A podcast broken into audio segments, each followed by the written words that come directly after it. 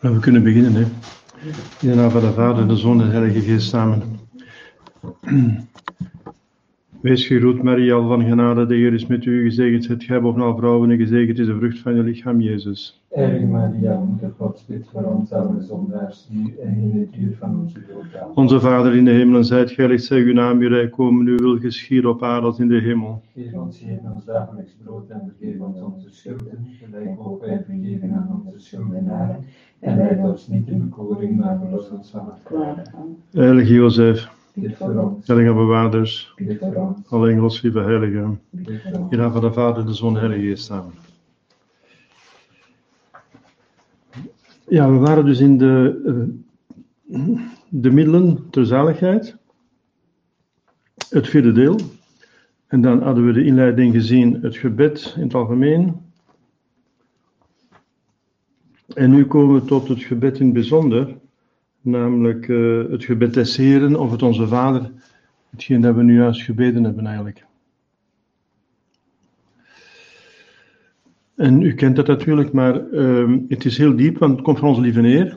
Het komt van Jezus zelf. En eh, hij geeft dat als een, een gebed, hoe dat je moet bidden. Dus als de apostel vraagt, hoe moeten we nu bidden? En dan zegt hij het Onze Vader. Dat betekent dat ieder gebed eigenlijk eh, met het Onze Vader moet te maken hebben. Ergens. Het is een, het is een, het is een stramien, het is een voorbeeld, het is een eh, prototype. Het is de essentie van elk gebed eigenlijk. Als je zo kunt bekijken. En hoe begint het dan? Wel met een aanspreking. Hè? Dus ja, dus de eerste vraag is, is het het volmaakste van alle gebeden? Ja. Wel, ehm, het is het, eh, inderdaad het Onze Vader. Is het volmaakste van alle gebeden. Het heet ook het gebed des Heren, de Heer Jezus Christus waaraan gewoonlijk wordt toegevoegd het wees gegroet of de begroeting van de engel. Ja. Maar dat hoeft niet. Dat is pas nadien gekomen. Het wees gegroet. Het wees goed gaan we behandelen nadien. Ja. Ah ja, in nummer ehm 345 en volgende. Wel, waarom noemen wij het Onze Vader het gebed des Heren? Wel, omdat onze Heer, Jezus Christus, zelf het ons heeft geleerd.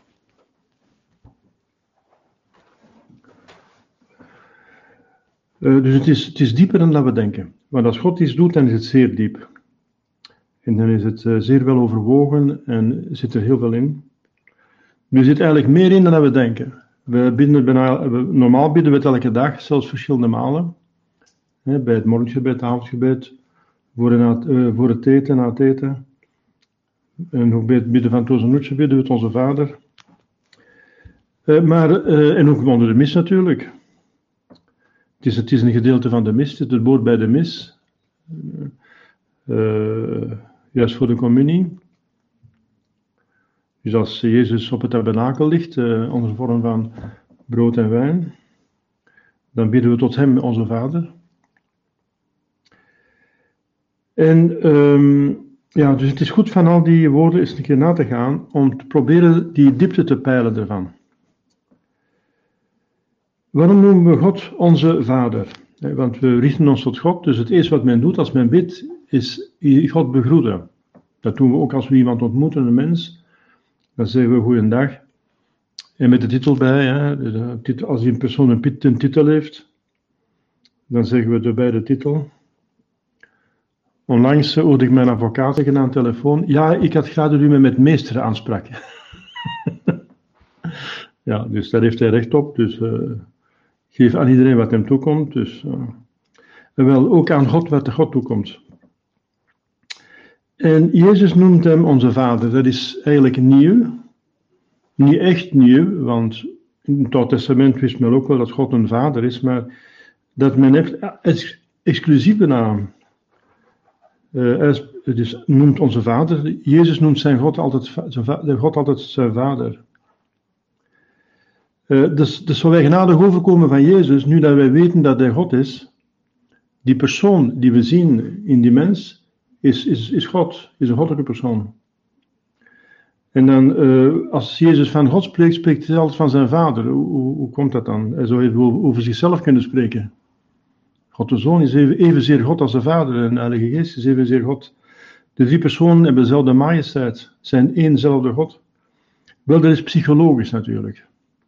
Want de mensen wisten niet vanaf het begin af dat hij God was. Ze zagen een mens en ze dachten dat het een mens was.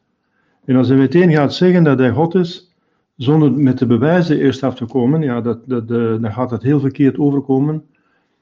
Want uh, dat, dat heel hoogmoedig enzovoort. Uh, de fariseeën gaan hem zelfs stenigen daarvoor, proberen te stenigen daarvoor. Het is daarom ook dat hij te dood wordt gebracht. De oorzaak van zijn kruisdood is dat hij zichzelf God noemt, de zoon van de levende God, dus God. Dus hij gaat het geleidelijk aan, die, die openbaring doen. Dus je ziet dat die godsdienst geleidelijk aan wordt geopenbaard. Ook de kerk wordt geleidelijk aan, zoals ik vorige keer zei. Uh, dus samengesteld. Maar ook uh, gaat hij geleidelijk aan zijn godheid openbaren. Dus hij gaat eerst mirakelen doen. Dus hij bewijst stellen dat hij van God komt. Dat hij de waarheid spreekt. Maar daarna gaat hij mirakelen doen in eigen naam. En niet in naam van God. Dus, en dat is veel sterker. En dan, gaan iedereen, gaat iedereen kunnen zien dat hij God is. Hm? Ik zeg u, Lazarus, kom uit. Ja, als hij zegt. En, en dat gebeurt, ja, dan is hij God. Hè, dan roept hij niet zoals de profeten en de heiligen God aan om een mirakel te doen, maar dan is zij die gewoon het mirakel beveelt te gebeuren. Dus dan is zij God. Maar dat gaat gaandeweg gebeuren. Dus hij gaat psychologisch te werk. Dus als hij van God spreekt, spreekt hij bij voorkeur van de Vader. Van die eerste persoon. Terwijl inderdaad de Zoon evenzeer God is als de Vader. En de, de Heilige Geest evenzeer God is als uh, de andere twee personen. Maar hij geeft het voorkeur aan de Vader. Um, opdat ze dus niet een mens zouden aanbidden als God. Voordat ze weten dat hij God is. Want de Joden hadden nogal een neiging om, om afgoderij te doen. Dat was de, de, grote plaag. Dus het Joden, het, zelfs de, de twaalf stammen, niet alleen de Joden. De Joden waren één stam natuurlijk, die overgebleven is. Maar de twaalf stammen van Israël, die waren heel devoot en heel religieus. En het, was ook, het hield ook een gevaar in dat ze dus de, religies van de andere volken overnamen, dat ze maar eender wat gingen aanbidden. In Rome was er ook een veel strenger uh, gebod van geen beelden te maken in het Oude Testament. Juist om te verhinderen dat ze die beelden zouden aanbidden. Maar het is geen absoluut verbod. want wij, wij, wij zetten beelden in de kerk, maar wij aanbidden die beelden niet. Wij weten dat het beeld zelf God niet is. Dus wij weten dat het een beeld is van een heilige, of van een engel, of van Maria, of van Jezus. En dat beeld verwijst naar iemand die echt bestaat in de hemel. Hm? En als wij voor dat beeld bidden, denken wij aan die persoon die echt bestaat in de hemel. Wij gaan dat beeld zelf, dat beeld zelf niet aanbidden. Dus dat, er is niemand die het in zijn hoofd haalt om die domme afgoderij te doen, waar de protestanten ons van beschuldigen. De protestanten die hebben geen enkel beeld in hun, uh, in hun uh, tempels omdat ze die, die, uh, dat verbod van het Oude Testament letterlijk nemen. En trouwens, zelfs in het Oude Testament waren er beelden. Hè? Dus het verbod is niet absoluut. Dus het is vooral voor het Oude Testament gericht, voor de Joden, te beschermen tegen hun eigen uh, dus lichtzinnigheid in, in, in de afgoderij, in maar in het Oude Testament reeds waren bijvoorbeeld twee cherubs in het Allerheiligste, die op de Ark des Verbonds waren uh, gesteld, met hun vleugels de, verbondsark bedekten en ook de vleugels die raakten de wanden links en rechts van uh, het, heilige, het, de heilige, het heilige der heiligen, in de tempel van, van Salomon, maar ook in de, in de tent. eerst woonde God in een tent, hè, de tabernaculum, en nadien is er een tempel geworden van Salomon. En die is dan afgebroken door de, door de ballingschap, door de zonde van de Joden. Is die af, afgebroken geweest als, als, als uh, straf voor hun afgoderij. Dan wou God niet meer onder hun wonen. En daarna, als ze terugkwamen met ballingschap, ze hadden zich bekeerd. Uh, is, die tempel, is er terug een tempel gebouwd, een grotere tempel, door Herodes. Hè. Dat is een tempel waarin Jezus heeft uh, ge, geleraard. Jezus kwam in de tempel bijvoorbeeld als hij twaalf jaar als kwam hij in de tempel, maar de tempel die herbouwd was door Herodes. en daar stonden dus al uh, twee cherubs, dus afbeeldingen van heiligen, hè, van heilige engelen. En hij had ook daar een lange tijd die, die staf van Mozes, die in een die staf van Mozes en dan vooral ehm, die, die stok die heeft laten maken van brons met een, een slang die er rond was. En die slang, als de, de Israëlieten die door een, een slangenplaag uh, dus op sterven lagen, toen dat ze weer gemord hadden hè, in de woestijn, uh, dan bad Mozes tot God voor barmhartigheid. En God, en God zei, ja, maak dan een slang van brons en degene die daarnaar met, naar kijkt met geloof, die wordt gered. En die slang van brons, die, die symboliseert Jezus aan het kruis. Hm? Dus de stok, dat is het kruis. Die slang, uh, dat betekent Jezus die de zonden op zich neemt. Hè? En, uh, en, de slang is het symbool van de zonde, Jezus die de zonde op zich neemt, die in naam van de zondaars aan het kruis hangt. En brons betekent dat een speciale is hier van God, die, eh, die, die van God met, met God te maken heeft. Dus de, de bronzen slang, uh, dat was dus een, een, een heilig beeld eigenlijk, dat bewaard werd ook in de, in de tempel. En ziet je dus, dat is het bewijs, dat zijn al drie beelden die, die in het Oude Testament gemaakt zijn geweest op bevel van God. Dat is het bewijs dat het verbod van de beelden niet absoluut was. Maar betrekkelijk. En dus ja. Dus Jezus gaat verhinderen dat ze hem als mens gaan aanbidden. Als ze hem maar moeten aanbidden, dan is het als God.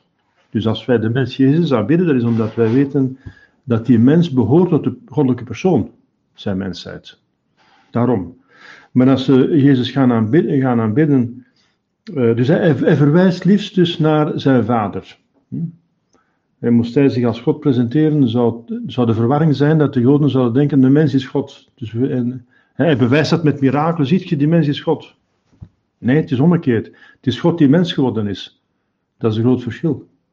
Hm? Het is geen mens die zichzelf tot God gemaakt heeft, maar het is God die mens geworden. En dat zouden ze moeten leren gaandeweg. Dat, is, dat was niet evident vanaf het begin. En daarom verwijst, als Jezus van God spreekt, spreekt hij voortdurend van zijn vader. En waarom een vader?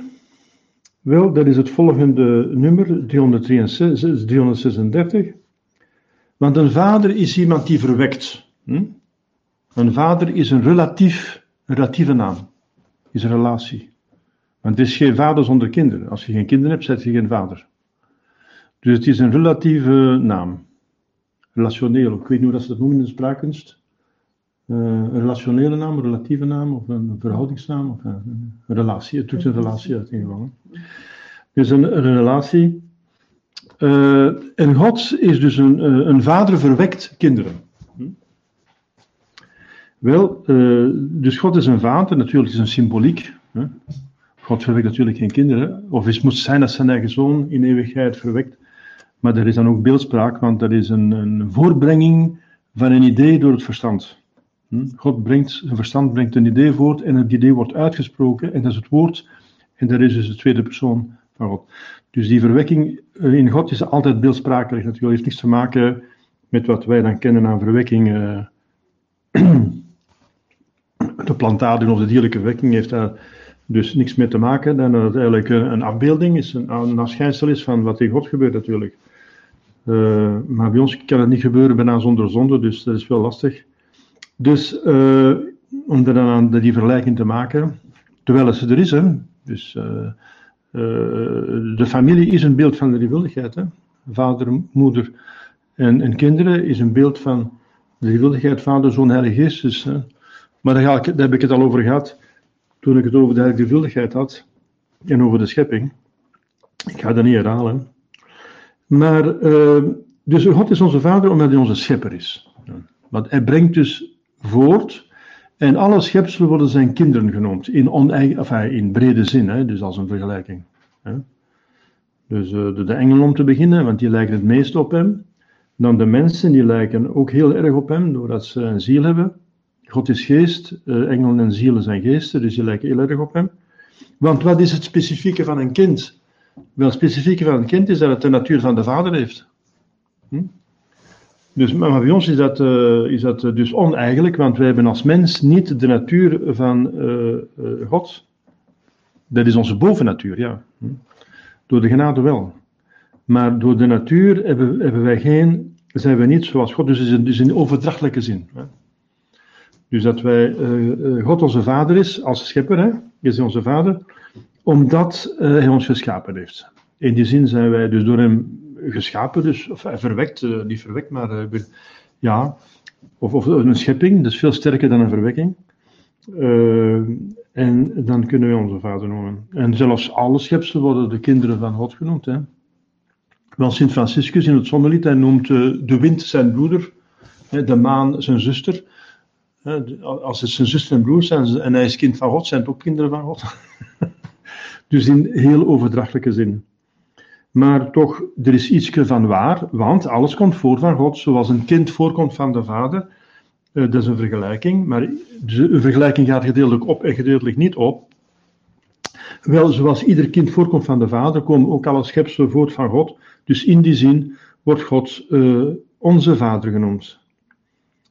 En uh, nog een andere, tweede reden is, hij is ook vader, zoals ik zei, in de bovennatuur. En dat is veel strikter.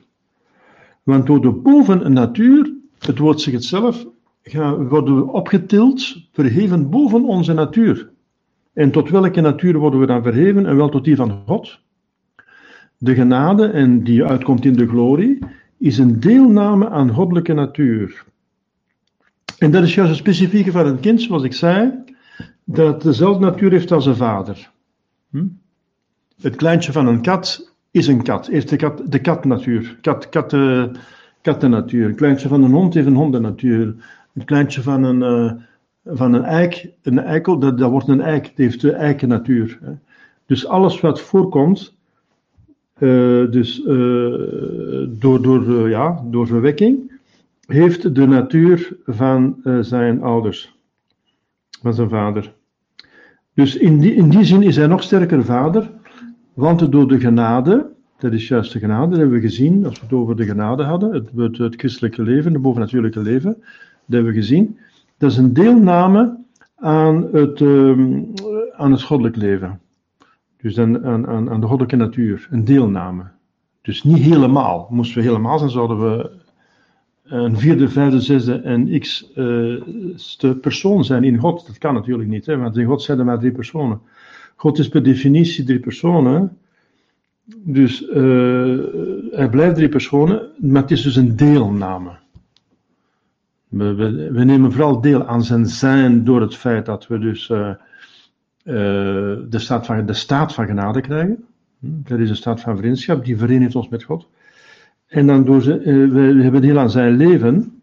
Zijn leven is de drievuldigheid, dus de Vader die de Zoon verwekt en met de Zoon de Heilige Geest ademt. Daaraan hebben we deel door geloof, hoop en liefde. Dus in, de natuur, in de genade is dat zo. De genade is al een bovennatuur. En de genade wordt dan, als we daarin volharden, naar de dood glorie. Dus de, het geloof wordt zalige godsaanschouwing. De hoop wordt het bezit van God voor eeuwig. Het gelukkige bezit van God. En de liefde wordt dan het, het genieten van God. Het, eh, het, het, het genieten van Gods eigen geluk. Uh, en dan hebben we dus deel aan de goddelijke drievuldigheid. Dus we hebben het deel aan. Hè. Dus we zijn nog meer kinderen van God door de genade dan door de natuur. Door, meer door de bovennatuur dan door de, gewone natuur. Want uh, er is zo'n dubbelzinnigheid. Uh, bijvoorbeeld, wat gebeurt er met, die, met een duivel? wel, een duivel is zoon van God als schepsel, maar is zijn zoon niet uh, als zijnde uh, zonde, zondaar. Dus hij heeft nog de natuur van God gekregen. Hij zal voor eeuwig het schepsel van God zijn, in, zijn zoon. Maar hij was geroepen tot de bovennatuur, tot de hemel, en heeft dat dus af. Dus, dus wat dat betreft is zijn zoon niet. Hij heeft dat uh, kindschap verloren door de staat van genade te verliezen, door dodelijk te zondigen. En dat is ook voor mensen zo. Mensen zijn nog steeds want dat is dus een fout geweest uh, onlangs uh, door Franciscus. Hè? Franciscus sprak van mensen die de, ja, de zonne tegen natuur bedrijven. Hm? En hij zegt van hen, het zijn, het zijn kinderen van God. Dat is dubbelzinnig, hè? Onderscheid maken. Als schepselen zijn ze kinderen van God. Zoals een duivel kind van God. Ze zijn alle schepselen kinderen van God. Maar als ze zondaars, als ze zich aan hun tegennatuurlijke zonde overgeven, zijn ze niet kinderen van God. Zijn ze kinderen van een duivel. Want dat zegt Jezus ook aan de, aan de Joden. Hij zegt, de, de duivel is uw vader, want je bent leugenaar zoals hij. De duivel is uw vader. Als een duivel uw vader is, kan God niet uw vader zijn, want zijn twee tegenstelde. Dat zijn twee tegenstanders. Hè? Dus je kunt uh, in, op natuurlijk vlak, natuurlijk blijft je kind van God als schepsel, maar niet, op bovennatuurlijk vlak kunt je uh, dus in, in uh, zijt je kind van God door je bovennatuur, maar je kunt dat verliezen door de doodzon en dan zijt je niet meer kind van God.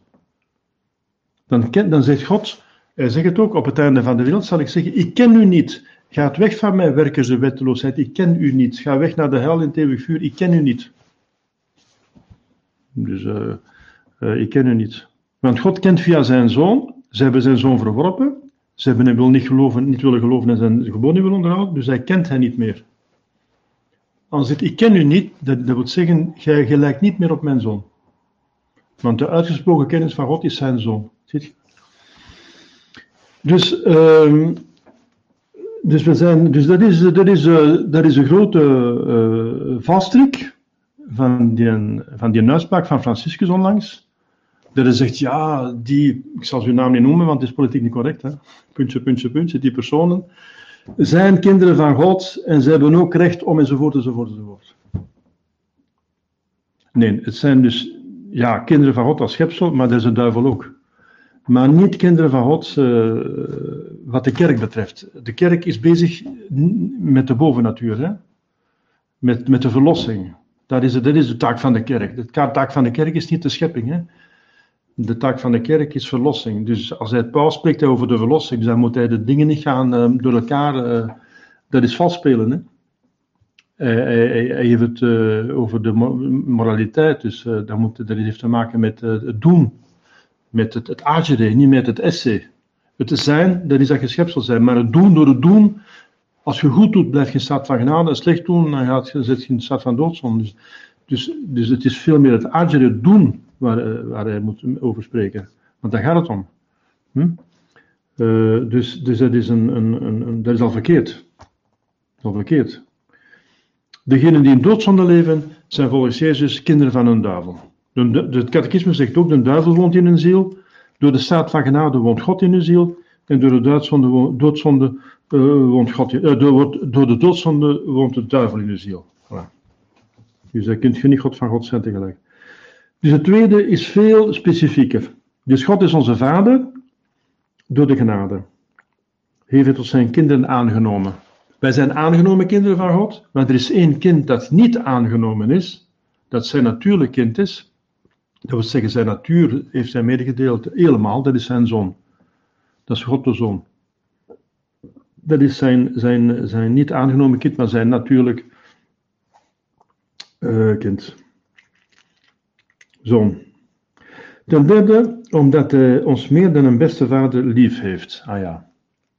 Dus een vader is ook natuurlijk een connotatie van liefde, van zorg voor. Hè.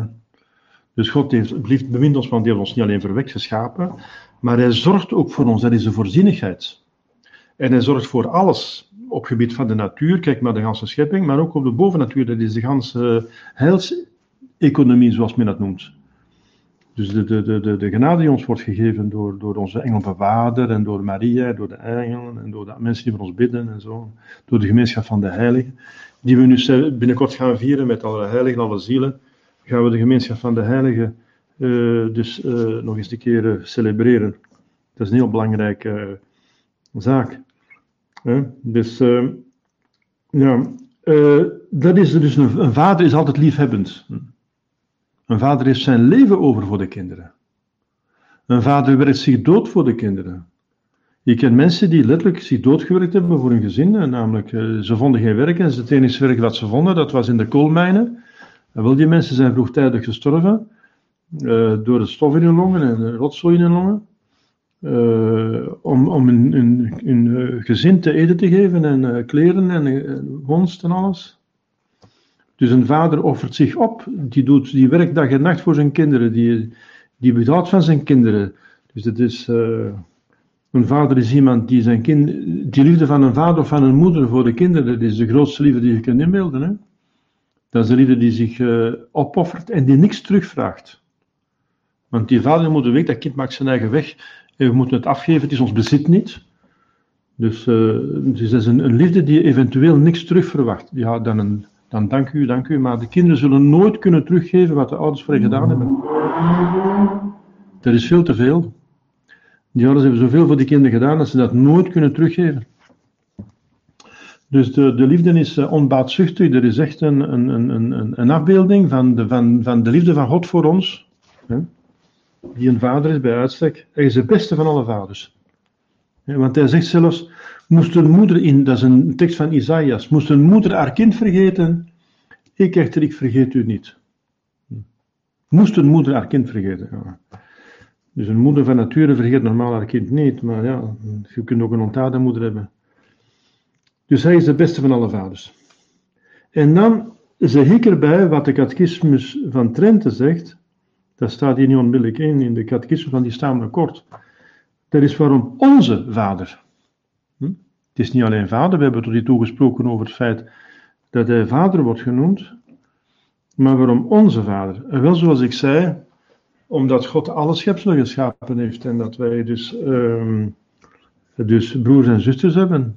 Wij hebben medemensen, nu zijn we met 7,5 miljard op aarde, maar we moeten niet vergeten dat er nog eens zoveel, zo niet nog meer, uh, in het hiernamaals zich al bevinden.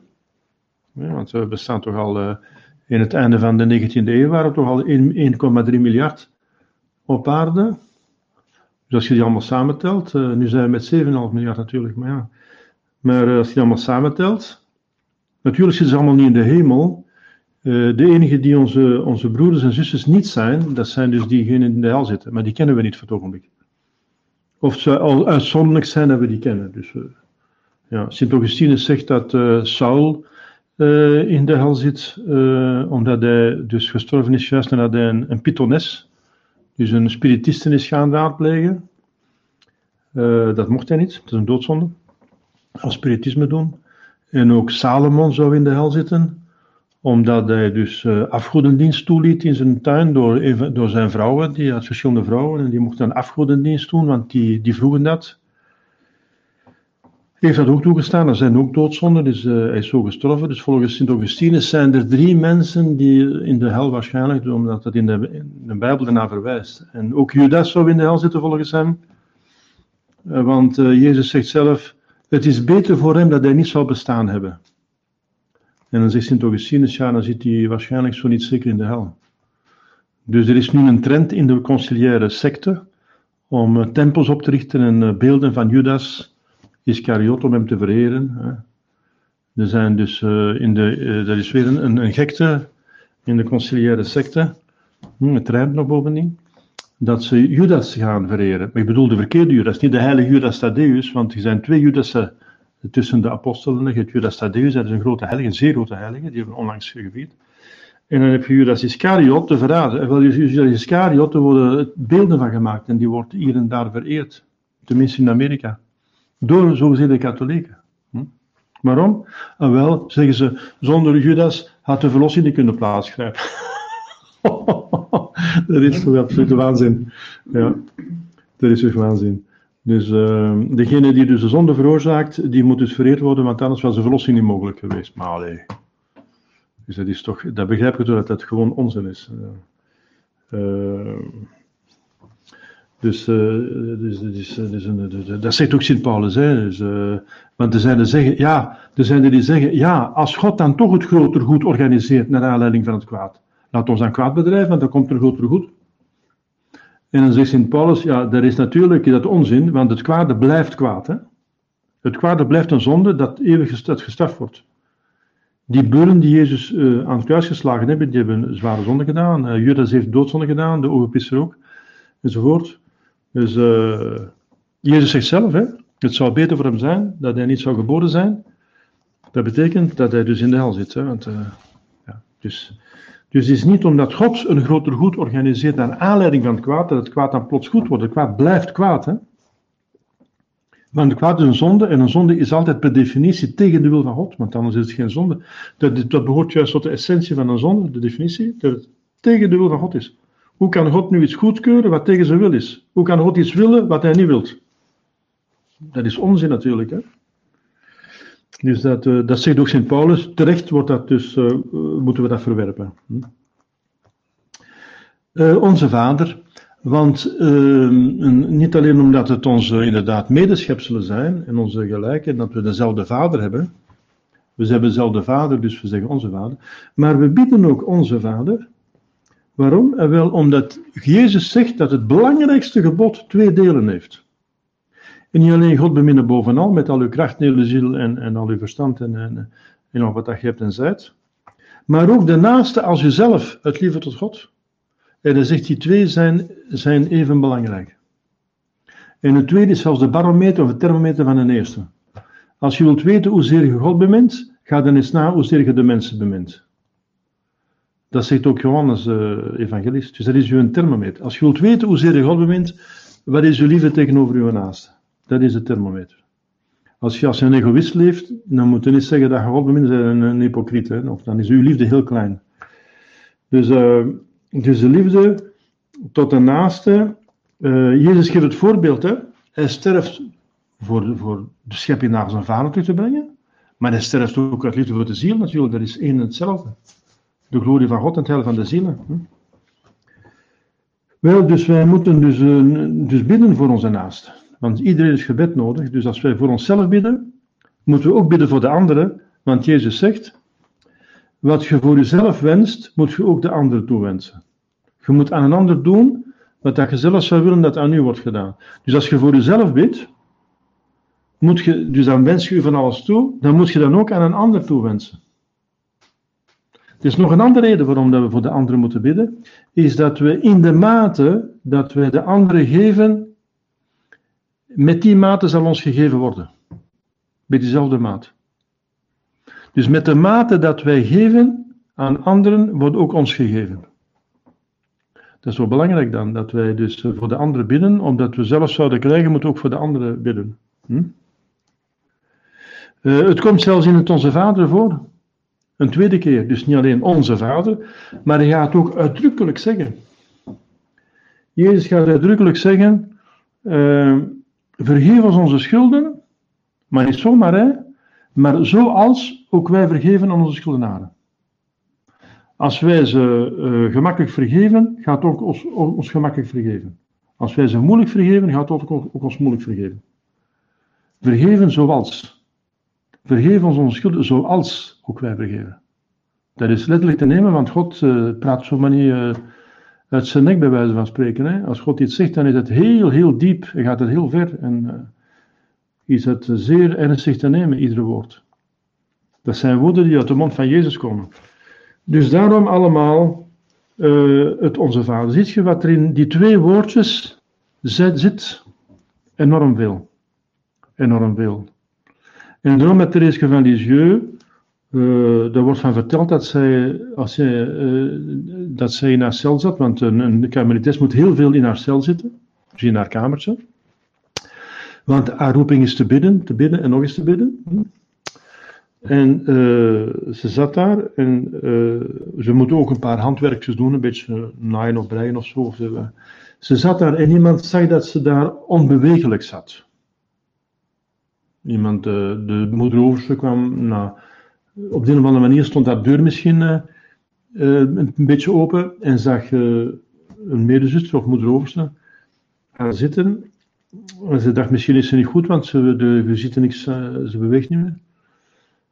En dan had ze tranen in de ogen. En ze zei niks meer en ze zat er zomaar.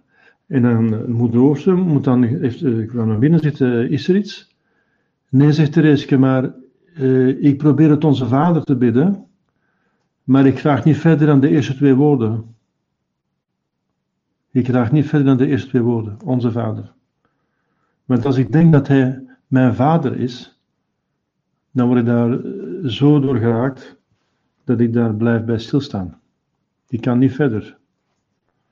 Want het is een principe bij de, bij de woestijnvaders en bij de spirituele dokters. Als jij honing vindt bij een bloem, moet je die bloem niet verlaten.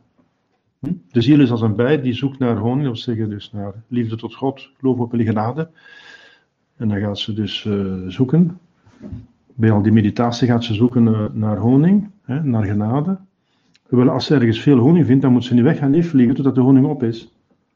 Dus als jij bij een bepaalde meditatie je gepakt voelt door de geest van God, dat je ziet, hier zit iets in, dat wil ik uittypen, dat, dat spreekt mij aan, dat spreekt mijn ziel aan, dat is balsem voor mijn ziel, hier heb ik iets aan, dat spreekt mij aan, dat doet me goed in mijn geestelijk leven, en wel, dan, dan moet je niet verder gaan, hè. Dan moet je daarbij blijven tot uh, de, het alles uitgeput is. dat is een regel. Dat leren we ook in de tijden van Sint-Ignatius. Want ik heb er allerlei meditaties te doen, uh, stuk of uh, 33, 35 conferenties. Wel, als je van één conferentie of een onderwerp een bepaald deel van de conferentie gepakt voelt, heb je het recht om daarbij te blijven. Al is de ganse retraite, al is de rest van je leven. Dat noemen ze het vereenvoudigd gebed. Het vereenvoudigd gebed. Wel, Therese van Lisieux, ah ja, natuurlijk, dat is te begrijpen, want haar spiritualiteit was een kindschap. Het kindschap. Het kindschap van, van, van God, dus zij was getroffen door het feit dat we kleine kinderen zijn. We moeten zijn zoals de kleine kinderen. Dat is de grondslag geweest van haar ganse spiritualiteit. Als wij kinderen zijn, is God onze Vader. Dus waarom heeft hij dat zo gepakt? Wel, omdat zij zich daar helemaal heeft op toegespitst, op die spiritualiteit van het feit dat Jezus zegt, op die woorden van Jezus, ze heeft bepaalde woorden van Jezus in praktijk gebracht. En zich daarop toegespitst. Als je niet bent als kinderen, kunt je het er helemaal mee binnengaan. Dus niet kinderachtig, maar kinderlijk. Natuurlijk, kinderlijk. We moeten zijn zoals kinderen. Vertrouwen hebben, beminnen, God in zijn voorzienigheid vertrouwen. Dat was haar spiritualiteit. Dus, dus, dus niet iedere heilige is op dezelfde manier heilig geworden. Hm? Franciscus die is heilig geworden doordat uh, die tekst, dat uh, gaat twee aan twee, uh, neem geen schoeisel mee, geen tweede hemd, geen tweede paar schoenen of zo. gaat zonder iets met twee, twee aan twee overal prediken. En Franciscus heeft dan de grootste armoede beleefd.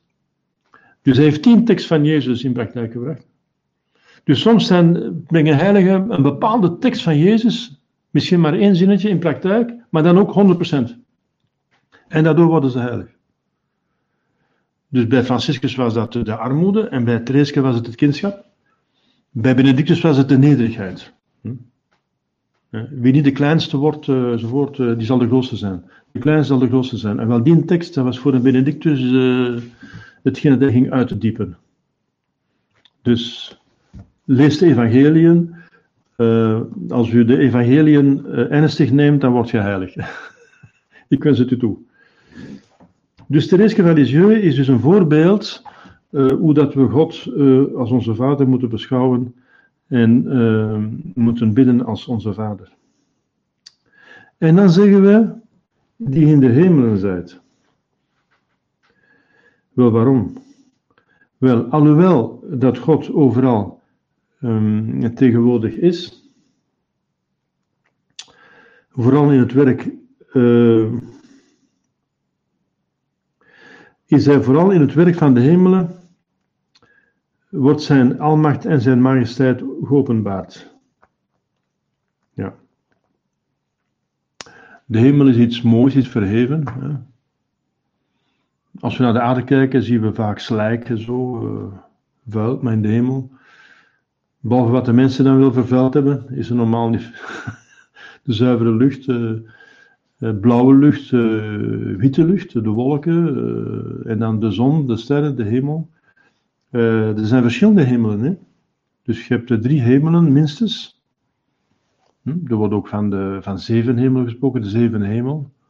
Of de negen, de negen hemelenkoren. Maar laten we beginnen met drie hemelen. De indeling van drie hemelen. En wel, de eerste hemel is de atmosfeer, dus de lucht eigenlijk. De tweede hemel is het heelal, Dus de lucht is beperkt, hè? dus dat is daar waar de vogels kunnen vliegen en zo. Dat is beperkt, dat is een zekere dampkring rond de aarde, dat is de hemel. De vogels vliegen in de hemel. Uh, de tweede hemel is eigenlijk het heelal. Daar hebben we het einde nog niet van gezien. Dat is enorm. Dus dat openbaart toch Gods majesteit, die macrocosmos. Daar worden we heel klein bij. Als we ons vergelijken met de aarde, dan zijn we heel klein, stofje. Als we de aarde vergelijken met de zon, zien we een klein bolletje. Maar zien we de zon in vergelijking met andere zonnen, dan is de zon weer een klein bolletje tegenover die andere zonnen. En de aarde valt bijna in het niets tegenover andere planeten en sterren. En met die afstanden ertussen van lichtjaren, dus het licht legt 300.000 km per seconde af. En dus een lichtjaar is een afstand dat het licht in één jaar kan afleggen. Dus één jaar lang 300.000 km per seconde is één lichtjaar. En er zijn sterren die duizenden lichtjaren van ons verwijderd zijn, dus dat is duizelingwekkend. En dan weten we nog het einde niet van het heelal. En dan hoe dat allemaal draait en uh, in elkaar zit. Hè. We zitten in een zonnestelsel, de, de maan draait rond de aarde, de aarde rond de zon met andere planeten.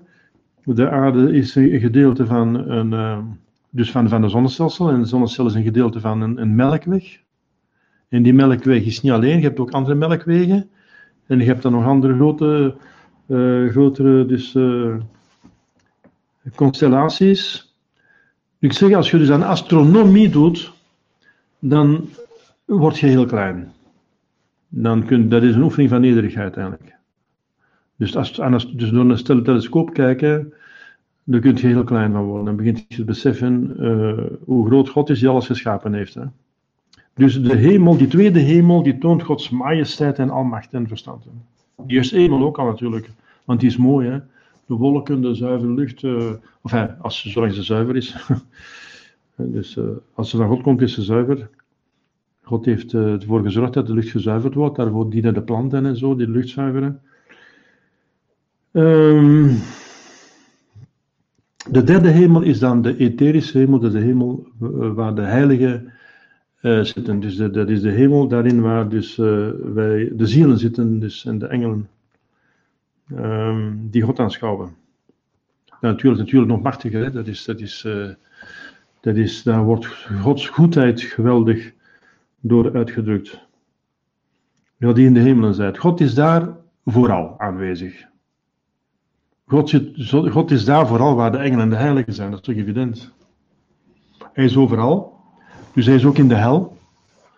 Met, met, want hij is overal. Dus in de hel zit hij uitsluitend met zijn almacht, want hij houdt het in stand. En met zijn gerechtigheid. Maar begrijp dat de tegenwoordigheid van God in de hel veel beperkter is dan in de hemel. Of dan in het heilig sacrament des altaars. Dat is een tegenwoordigheid van God op een heel uh, veel intensere manier. Dus God is overal tegenwoordig maar uh, hier meer dan ergens anders. En we zeggen dus in de hemel, omdat hij uiteindelijk daar de definitieve woonplaats is van God. Want het spreekt van het tabernakel. Dus God is op de meest voor ons uh, intense manier tegenwoordig in tabernakel. En wel, een tabernakel betekent een tent in het Latijn. En een tent is een voorlopige woonst. Daarom moet er een doek over zijn, dat het tabernakelvelum, dat de kleur aanneemt van de dag. En vandaag heb ik wit genomen, want het is de engelen. Het is eigenlijk groen, want het is uh, door de week. Uh, rood is voor de martelaars en voor de Heilige Geest en zo. En wit is voor de, feesten, de grote feesten van, van God dus, uh, en van Maria. En de grote feesten en voor de beleiders. paars is voor de boetedagen. Dus het is een, een, een tabernakel. is bedekt door een doek dat de kleur heeft. En dat heet het tabernakelvelum. Wel, omdat een tent eigenlijk een doek is. En waar je woont, um, tijdelijk. En je zit op verplaatsing. Dus Jezus is daar, die hostie die verplaatst zich, want die wordt trouwens genuttigd. En die hostie gaat waar de priester de hostie brengt. Dus als ik naar een zieke ga met de hostie, dan, dan verplaatst ze zich. Dus het tabernakel is een plaats waar, waar God het meest intensief woont. De hostie is God. Dus in die hostie woont God op een buitengewone manier. En wel, dat is tijdelijk. Die hostie is niet eeuwig. En daarom is het een tabernakel, een tent. Dat is een tijdelijke wonst. Maar de blijvende, definitieve wonst van God is in de hemel. Met zijn, engelen, zijn, zijn heilige engelen en zijn heiligen. Daar woont hij op een bijzondere manier, op een eeuwige manier. En daarom zeggen we onze Vader die in de hemelen zijt, terwijl het toch overal is, maar op een bijzondere, intensieve manier in de hemel. En ook omdat het ons doel is. Ons hart moet naar het doel gericht zijn. God in de hemel, daar moeten we naartoe. Dus sursum corda, verheffen we ons hart naar de hemel, want uh, ons hart moet al in de hemel zijn. Want wij moeten als met ons gedachten in het doel zijn. We moeten er al zijn als we, we moeten er naar verlangen. We moeten erop hopen. We moeten God beminnen. Daarom is ook Jezus naar de hemel gegaan. Hij is ten hemel gestegen omdat we dan meer ons hart en ons gedachten in de hemel zouden stellen. Want dat is ons doel. Wij mogen niet blijven plakken bij de dingen van de aarde. Dus om te vrienden dat we te veel aan de aardse dingen zouden gericht zijn. Dat Jezus naar de hemel gegaan is en ons daar verwacht. Ons, we moeten ons hart in de hemel zetten. Want daar waar uw liefde is, zal uw hart zijn. En daar waar uw hart is, zal uw liefde zijn. Hè? Dus we moeten ons hart in de hemel zetten. Je kent dat verhaal van die rijke man die stierf. En uh, uiteindelijk, uh, het was zo'n gans verhaal dat hij uiteindelijk weer de manifestaties rond de begrafenis, dat hij verdoemd was. En uh, toen dat ze zijn geldkoffers open deden, vonden ze zijn hart tussen het geld liggen. Zijn, zijn, zijn vleeselijk hart lag tussen het geld. Dat is een mirakel dat God gedaan heeft om te tonen dat zijn hart, daar, was, zijn liefde was bij het geld en niet bij, bij God. Dat is. Dat is ook een teken dat hij verdoemd is. Hè? Dus een mirakel. Uh, dus, dus daar waar uw liefde is, moet uw hart zijn. Daar waar uw hart is, is uw liefde. Dus wij moeten onze liefde in God stellen. God beminnen bovenal. En daar moet ons hart zijn. Door geloof, hoop en liefde. Zoveel mogelijk. De maat om God te beminnen is hem te beminnen zonder maat. En daarom zeggen we, die in de hemelen zijt. daarom zeggen we, die in de hemelen zijt. Dan uh, de volgende, het volgende zin in Onze Vader, het gebed van Jezus Christus, waar hij ons leert om te bidden, is dan dat hij zegt, uh, geheiligd zij uw naam. Ja, natuurlijk begrijpen we dat Gods naam al geheiligd is, namelijk binnen in God en in de hemel. En ook in het vagevuur. In het vagevuur wordt er niet meer gezondigd. Ze kunnen niet meer zondigen. En die zielen in het vagevuur zijn ook heilig, want die, die kunnen niet meer zondigen en die zijn in staat van genade gestorven en die zijn in perfecte geloof, hoop en liefde. En die aanvaarden volmaakt het lijden dat ze ondergaan, dat gruwelijk is, eh, aanvaarden zonder morren, omdat ze weten dat dat rechtvaardig is en dat het het middel is om naar de hemel te gaan. Dus je naam is al geheiligd in de hemel en in het vagevuur, maar niet, zeker in de hel, maar daar is het dus hopeloos. Hè? Alhoewel dat iedere knie zich moet buigen, ook in de, in, de hel. Ze weten wel dat, hij, dat, God God is, dus ze bekennen wel God. En, uh, maar u begrijpt dat het niet van harte is in de hel, hè? Dus, uh, maar op aarde. Dus het gaat op de aarde. Het is een gebed van de, aarde, van de aardelingen, hè? Van, de aarde, van de mensen op aarde, van de strijdende kerk. Dat wil zeggen, uw naam moet geheiligd worden. Wij moeten het respect voor u, de aanbidding van u, moet hier op aarde uh, vergroot worden. Geheiligd zij uw naam.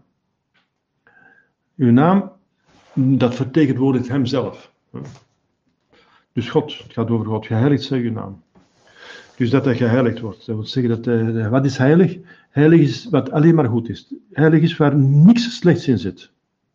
Dus wij moeten die naam die moet dus verheerlijkt worden als het beste, als het mooiste, als het schoonste, als het, uh, het wijste en dan met alle volmaaktheden.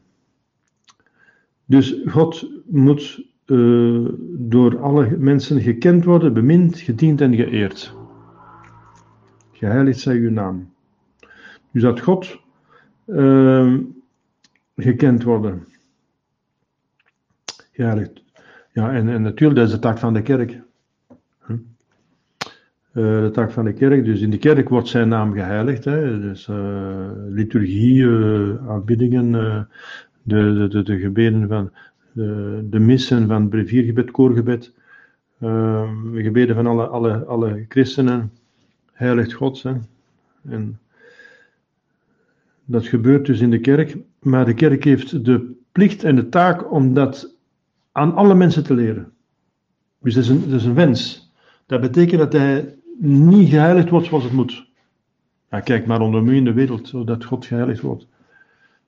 Er wordt zelfs veel gevloekt, spijtig genoeg. Dat is een schande.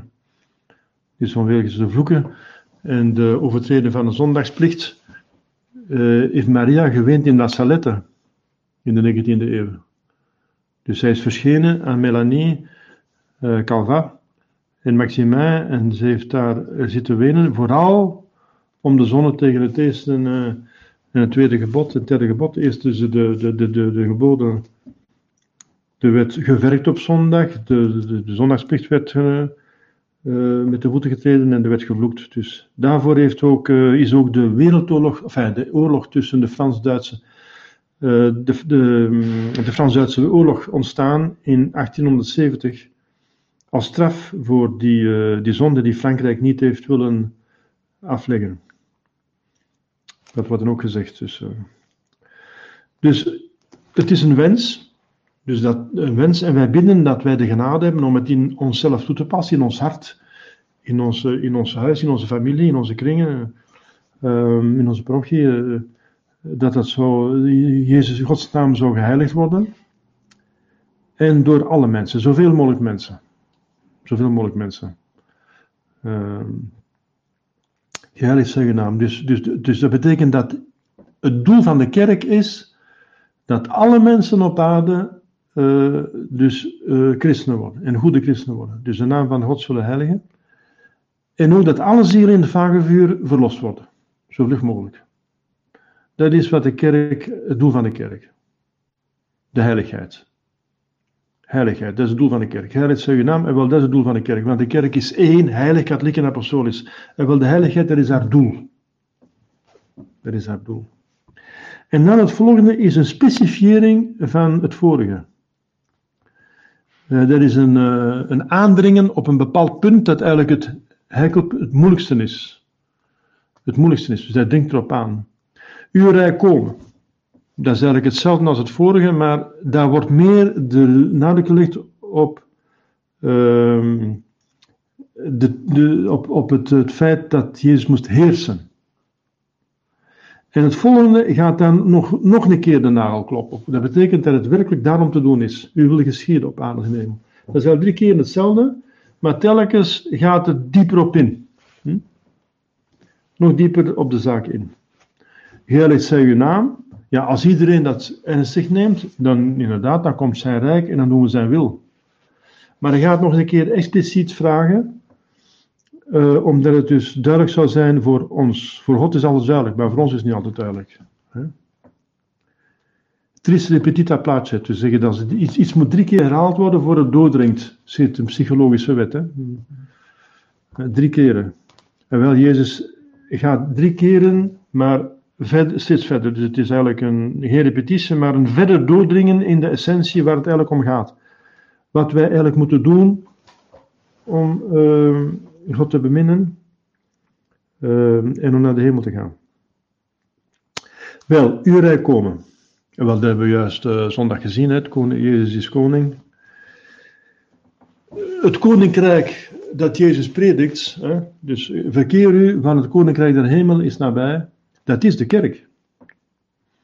Uh, natuurlijk dat gedeelte van de kerk dat goed functioneert, hè, uh, want tegenwoordig de kerk, uh, vele mensen beschouwen als kerk hetgeen dat de kerk niet is, namelijk een gedeelte dat door de vijand is ingepalmd door infiltratie en misbruikt wordt.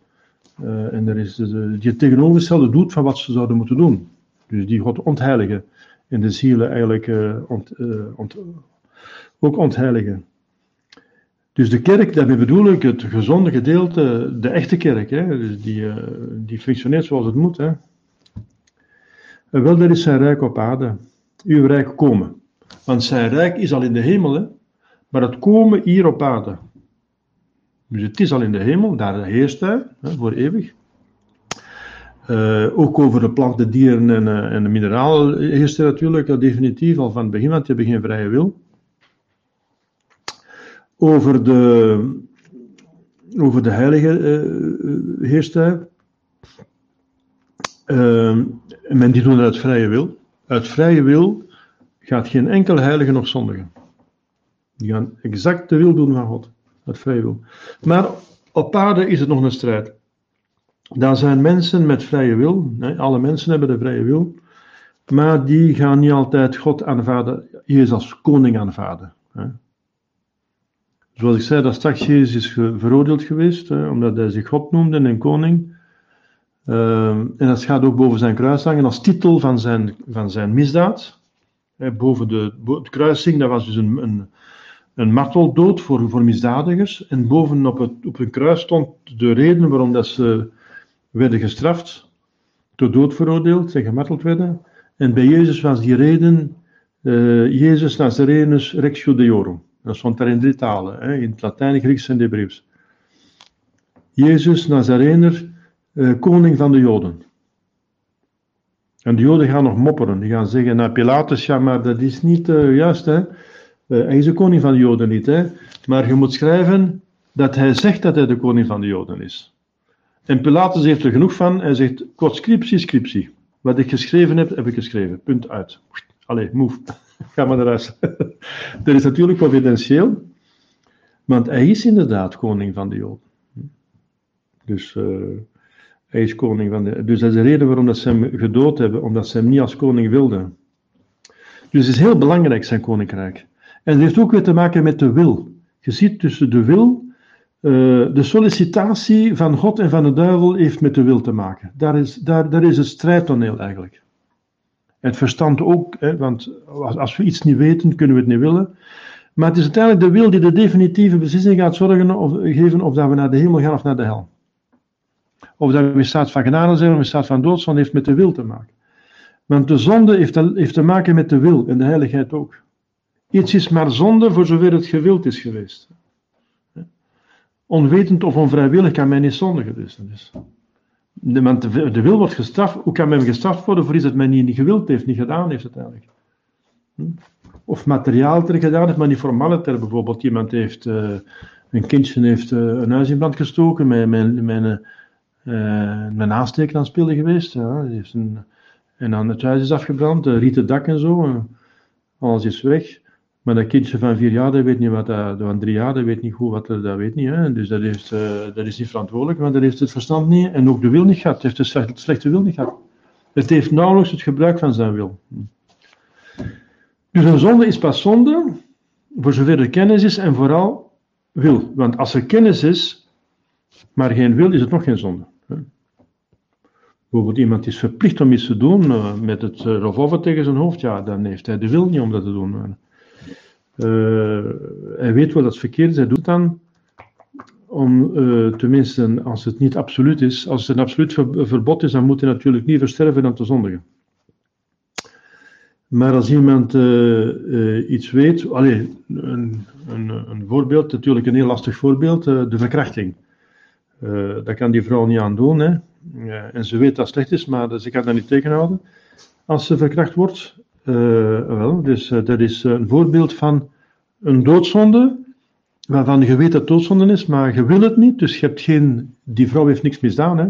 tenminste als het niet uitge, uitgelokt heeft, of als ze niet toegestemd heeft natuurlijk. Dus een, een klassiek voorbeeld. Uh, dat je dus, ja. Dus, dus de, de wil is uiteindelijk is heel belangrijk, een essentieel element van de zonde en ook van de heiligheid. Je kunt niet heilig worden als je geen vrije wil hebt. Uh, want je moet dat verdienen, dus je hebt geen verdiensten als je geen vrije wil hebt. Als je daar niet bij vrije wil hebt ingestemd, uh, met het goede, dan heb je ook geen verdiensten. Hm? De hemel moet je toch ook een beetje. Jezus heeft natuurlijk de hemel verdiend, opgemaakt, maar we moeten mee verdienen door Jezus te volgen. Dus uw rijk komen, uh, vragen wij, daardoor vragen wij dat God op aarde meer en meer heersen. Dat betekent dat hij zijn wil bekend maakt, en dan moet de kerk dus bekend maken, ga in onderhoud, ga in onderwijs alle volken, leer ze onderhouden, de geboden en doop ze. Dus dat, als, iemand kan pas heersen als hij zijn wil bekend maakt en als hij gehoorzaamd wordt. Dat is ook weer een relatie, heersen. Een heerser heeft onderdaan, heersen zonder onderdaan, dat is geen heersen. Hè? ik ben baas, ik ben een baas zonder onderdaan, ja, dan zet je geen baas. Hè? Dan zet je geen baas. Hè? Dus, uh, Dus heersen betekent is een relatie. Dat betekent dat die relatie langs, langs beide kanten moet komen. Hè. Zweeskanten, zoals ze zeggen bij ons, van zweeskanten, van twee kanten. Dat hij meer en meer heersen over alle volkeren, ziet je? Dus niet alleen de mensen, maar de volkeren. Dus scheiding van kerk en staat bestaat niet. De, de mag niet zeggen, ja, ik heb niks te maken met de godsdienst, dat iedereen doet wat hij wil, ik heb niks mee te maken, we zijn neutraal. Nee, uh, de volkeren moeten aan God gehoorzamen. Jezus zei, ga en onderwijs alle volkeren. Dus wel onderscheid tussen kerk en staat, maar geen scheiding. Uh, de staat houdt zich bezig met de natuur van de mens en de kerk met de bovennatuur, dus wel onderscheid maken tussen beide. Maar de staat moet aan de kerk gehoorzamen als ze zegt dat ze de tien geboden moet onderhouden. Dat ze geen wetten mogen maken ten voordele van abortus, en tegen natuurlijke zonden en euthanasie enzovoort. En al die slechte godsdiensten binnenlaten en de vrijheid laten, dat mogen ze niet. Dan moeten die volkeren gehoorzamen. En anders zondigen de volkeren. En zullen de volkeren ook gestraft worden. Volken kunnen ook gestraft worden. Volkeren kunnen beloond worden door voorspoed en vrede. En volken kunnen gestraft worden door ziektes, plagen, uh, pandemieën, uh, oorlogen en, enzovoort. door allerlei onlusten en revoluties en uiteindelijk dat ze overheerst worden door vreemde volkeren. Dus dat zijn de straffen die de volken kunnen overkomen als ze dus tegen God in opstand komen. En daar zitten we volop in natuurlijk, dat begrijp je wel. Spijtig genoeg. Dus, maar dat is, dat is niet wat God wil. Hè? Dus uh, uw rijk komen, zeggen we over alle harten, dus de volkeren en alle harten. Dus over alle uh, gemeenschappen en individuen. De harten, dus dan moeten we uit liefde zijn dat we aan God gehoorzamen. Dat is een bewijs dat wij beminnen. Jezus zit, als je mij bemint, onderhoud je mij geboden. Dus het moet uit liefde gebeuren. En niet als een slaaf tegenover zijn meester, die als een pandoering krijgt. Dat kan helpen, hè? de gedachte aan de hel en het vagevuur. Maar dat, is, dat moet uiteindelijk eh, in liefde verkeren, want zonder liefde kun je de hemel niet binnengaan. Dat is het kleed van het bruiloftsmaal. Die man die geen kleed aan had, die mocht niet binnen. Dat kleed is een staat van genade, op zich ik bemin God. Dus je kunt wel uit vrees voor de, de hel en de vagevuur niet zondigen, maar er moet toch nog een minimum aan liefde bij zitten. Hè? Dat komt dan ook wel. En liefst dat je uit liefde tot God niet bezondigt. Dat is het mooiste. Dus hij moet heersen over de harten door zijn genade. Hij heeft voor iedereen voldoende genade bekomen, dat ze naar de hemel kunnen gaan. Uh, dat heeft zijn bloed gekost, hè, de genade. En voor iedereen is er voldoende, voor iedereen. Zodat allen eenmaal met hem mogen heersen in de hemel. Dat is, dat eigenlijk uh, de wens. Dat alle mensen, dat is eigenlijk het doel van de kerk. Dat mogen we niet uit het oog verliezen dat alle mensen die op aarde zijn, allemaal naar de hemel gaan en alle zielen uit het vagevuur, verlost worden. Wat er in de praktijk dan van komt, dat is een andere kwestie. Maar in ieder geval moeten we daarna streven. Hè. Dus je ziet, uh, er is veel werk aan de winkel. Uh, wij moeten dus nooit, uh, natuurlijk moeten we ook niet overwerken, maar we moeten toch zien dat we doen wat we kunnen doen om daaraan deel te nemen. Dat rijk laten we eerst en vooral realiseren in onszelf en dan bij de anderen. Natuurlijk leven wij in een zeer lastige periode, dat is wel uitzonderlijk, het is nog nooit zo erg geweest in de geschiedenis van de, van de kerk en van de mensheid. Wij leven dus in een geloofsafval, en dat is juist het tegenovergestelde. Dat zij rijk, hè, Mons de Lefebvre heeft een boek geschreven, zij hebben hem onttroond. Hm? In plaats van hem als koning te erkennen, uh, degenen die hem nog niet erkennen, hebben degenen die hem erkenden, namelijk de katholieke kerk, hebben hem voor 99,9% laten vallen bedoel de hoeveelheid. Ze hebben hem ontroond door de ketterij te, binnen te brengen. En een ketterij vooral tegen zijn koningschap. Niet alleen zomaar ketterij, maar ketterij die zijn koningschap ondergraven. De, de godsdienstvrijheid. Dus de vrijheid van alle godsdiensten. Uh, valse ook. De godsdienstvrijheid is alleen maar voor het goede. De, de vrijheid is alleen maar voor het goede. De vrijheid of de vrije wil is de capaciteit, zegt Leo XIII, om u te bewegen binnen het goede. Dus je hebt de vrijheid niet om het kwaad te doen. Je kunt het wel doen, maar je hebt die vrijheid niet. Die betekent, je hebt het recht niet om dat te doen. Je kunt het wel, maar je mag het niet. Dus de vrijheid die je gekregen hebt van God is om het goede te doen. En we zitten nu spijtig genoeg in een geloofsafval. Maar dat neemt niet weg dat de principes toch blijven en dat het rijk gaat komen. Hè. Uh, er gaat een keerpunt komen en al degenen die willen, ook nu, kunnen, zich, uh, kunnen helemaal gaan. En uh, ja, dus officieel zijn het degenen die tot de kerk behoren die naar de hemel gaan. Maar in de praktijk zijn het ook mensen die niet zichtbaar tot de kerk behoren naar de hemel gaan. Namelijk, je hebt veel mensen die naar de hemel gaan door toestel van begeerte. Nou, dat hoop ik toch. Ja. Want wij kunnen niet oordelen en veroordelen. Dus ogenschijnlijk gaan er veel mensen verloren, maar dat weten we niet. Hè? Dus uh, de, een doodzonde is pas een doodzonde als inderdaad daar volle kennis en toestemming bij gemoeid is en dan God zal ze oordelen. Ze kunnen nog spijt hebben op het einde van hun leven enzovoort. Dus wij oordelen daar niet over hoeveel mensen naar de hemel gaan, maar we moeten daar wel voor zorgen dat er zoveel mogelijk naar de hemel gaan. Daar moeten we voor zorgen. Voor onszelf, we moeten eerst eh, dus naar de heiligheid streven. Dus dat is, wij moeten naar de heiligheid streven, hè, geheiligd zij uw naam, vooral in onze ziel om te beginnen. Dat wij naar de heiligheid streven, dat is een, dat is, een taak, een meest belangrijke plicht. En dan zoveel mogelijk andere mensen ook naar de hemel brengen. En um, het is in de mate dat je zelf heilig bent, dat je andere mensen kunt mee naar de hemel brengen. Want je kunt niet geven wat je niet hebt. Dus als je veel mensen wilt helpen, zie dat je dan naar de maximum naar de heiligheid streeft. Hè. Je ziet dat de heiligen veel invloed hebben gehad op anderen. Hè. Dat zelfs landen hebben gered, zoals Jean d'Arc. Ze kunnen gans land redden. Gans, uh, de, de, eerste apostelen van, uh, van onze streken hebben...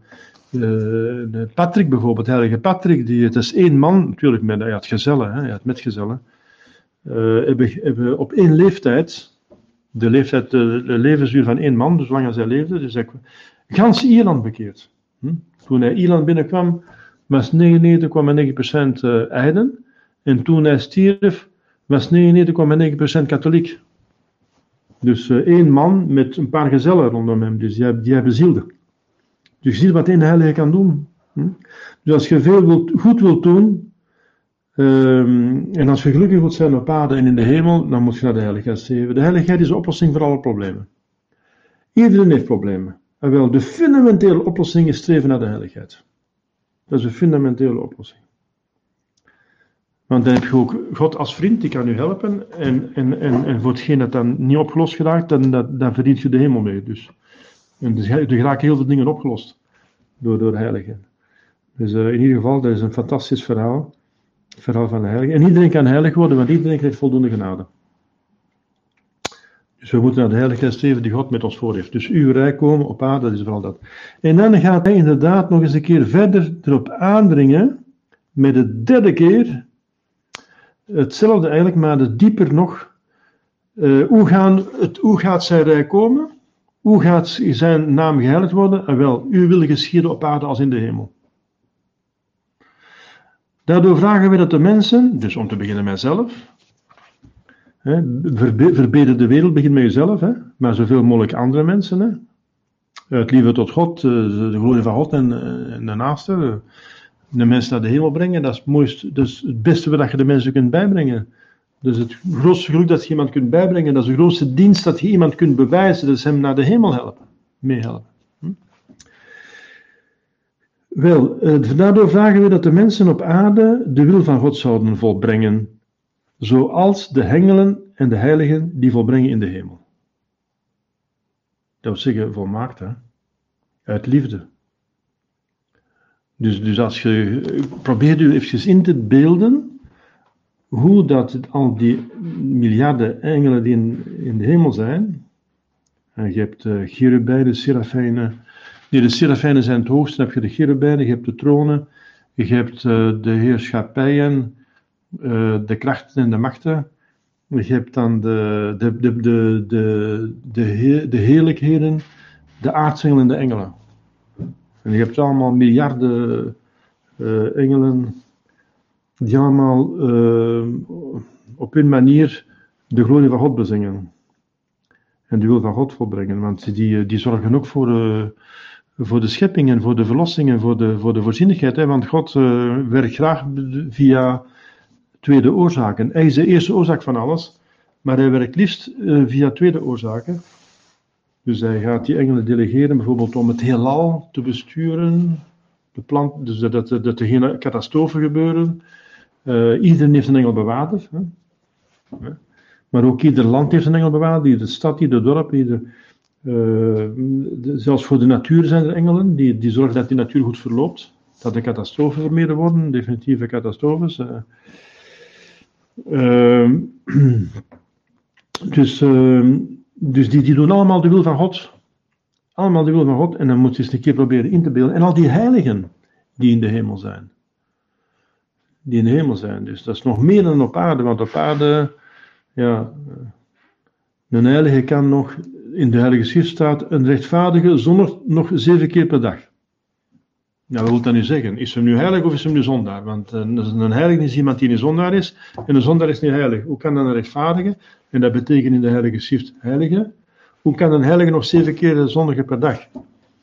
Ja, dat komt omdat die, eh, die zonde die daar wordt uh, bedoeld, is de onvolmaaktheid. Dat wil zeggen dingen die niet goed zijn, maar die eigenlijk buiten uw wil geschieden.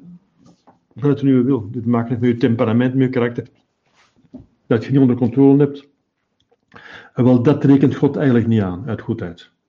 Tenminste, als je er blijft aan werken. Hè. En dus eh, je hebt een onmiddellijke primo, prim, uh, uh, primo primi reactie, dus primo primi heet dat in het Latijn. Dus een reactie die komt al voordat je kunt nadenken wat je eigenlijk aan het doen bent. Dat, gaat, dat is met een reflex. Heeft te maken met je temperament en dat is misschien verkeerd. Een teken van ongeduld, of ik weet niet waar, of uh, misplaatste uh, dingen. Wel, uh, dat, wordt niet, dat is verkeerd. En Jezus had dat niet, en Maria ook niet. maar dat wordt niet aangerekend. Dus, maar die engelen in de hemel hebben dat niet. Die hebben dat niet. En die heiligen in de hemel. Dus probeer even in te beelden hoe dat in de hemel die engelen en die heiligen zich gedragen.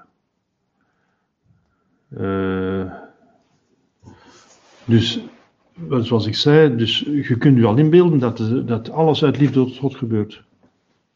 Alles gebeurt uit liefde tot God. En zoals God het wil. Helemaal. Dus niemand die zegt, ja maar, uh, ik zou het beter zo doen. Nee, daar is geen sprake van. Ze hebben juist een deelname aan Gods verstand en zien ook in dat wat God wil het beste is. Dus ze, ze willen ook niet meer zondigen. Want ze zien dat dat het beste is. God het beste is en wat hij wil het beste is. Dat zien ze zelf helemaal in. Omdat ze deelnemen aan Gods, deel hebben aan Gods verstand. En wil op die manier, zoals, hè, zo moeten wij proberen de wil van God te doen op aarde. Op die manier. Op die manier. En dan moeten we dus voortdurend. Als dat bijvoorbeeld uw bezigheid is overdag en uh, s'avonds bij het gewetensonderzoek, uh, s morgens als je dus u klaarmaakt voor de dag en zo, en als je het af en toe eens een keer nadenkt. Wel, natuurlijk kunt je aan allerlei dingen denken van de hemel naar God, maar denk ook, uh, doe ik nu de wil van God op, een, op, een, de beste manier? Op dit moment. Doe ik nu echt wat God, zou ik het nog op, zo doe ik nu echt wat God verlangt van mij op dit moment? Kan ik het niet anders doen, nog beter doen, of met meer aandacht of met meer vurigheid, met meer liefde, kan ik het niet uh, beter doen dan ik het nu doe. Wel, als je daarop concentreert, een gebied ervoor, dat, de genade u, dat God u daarmee helpt, wel, dan, dan word je heilig. Hè?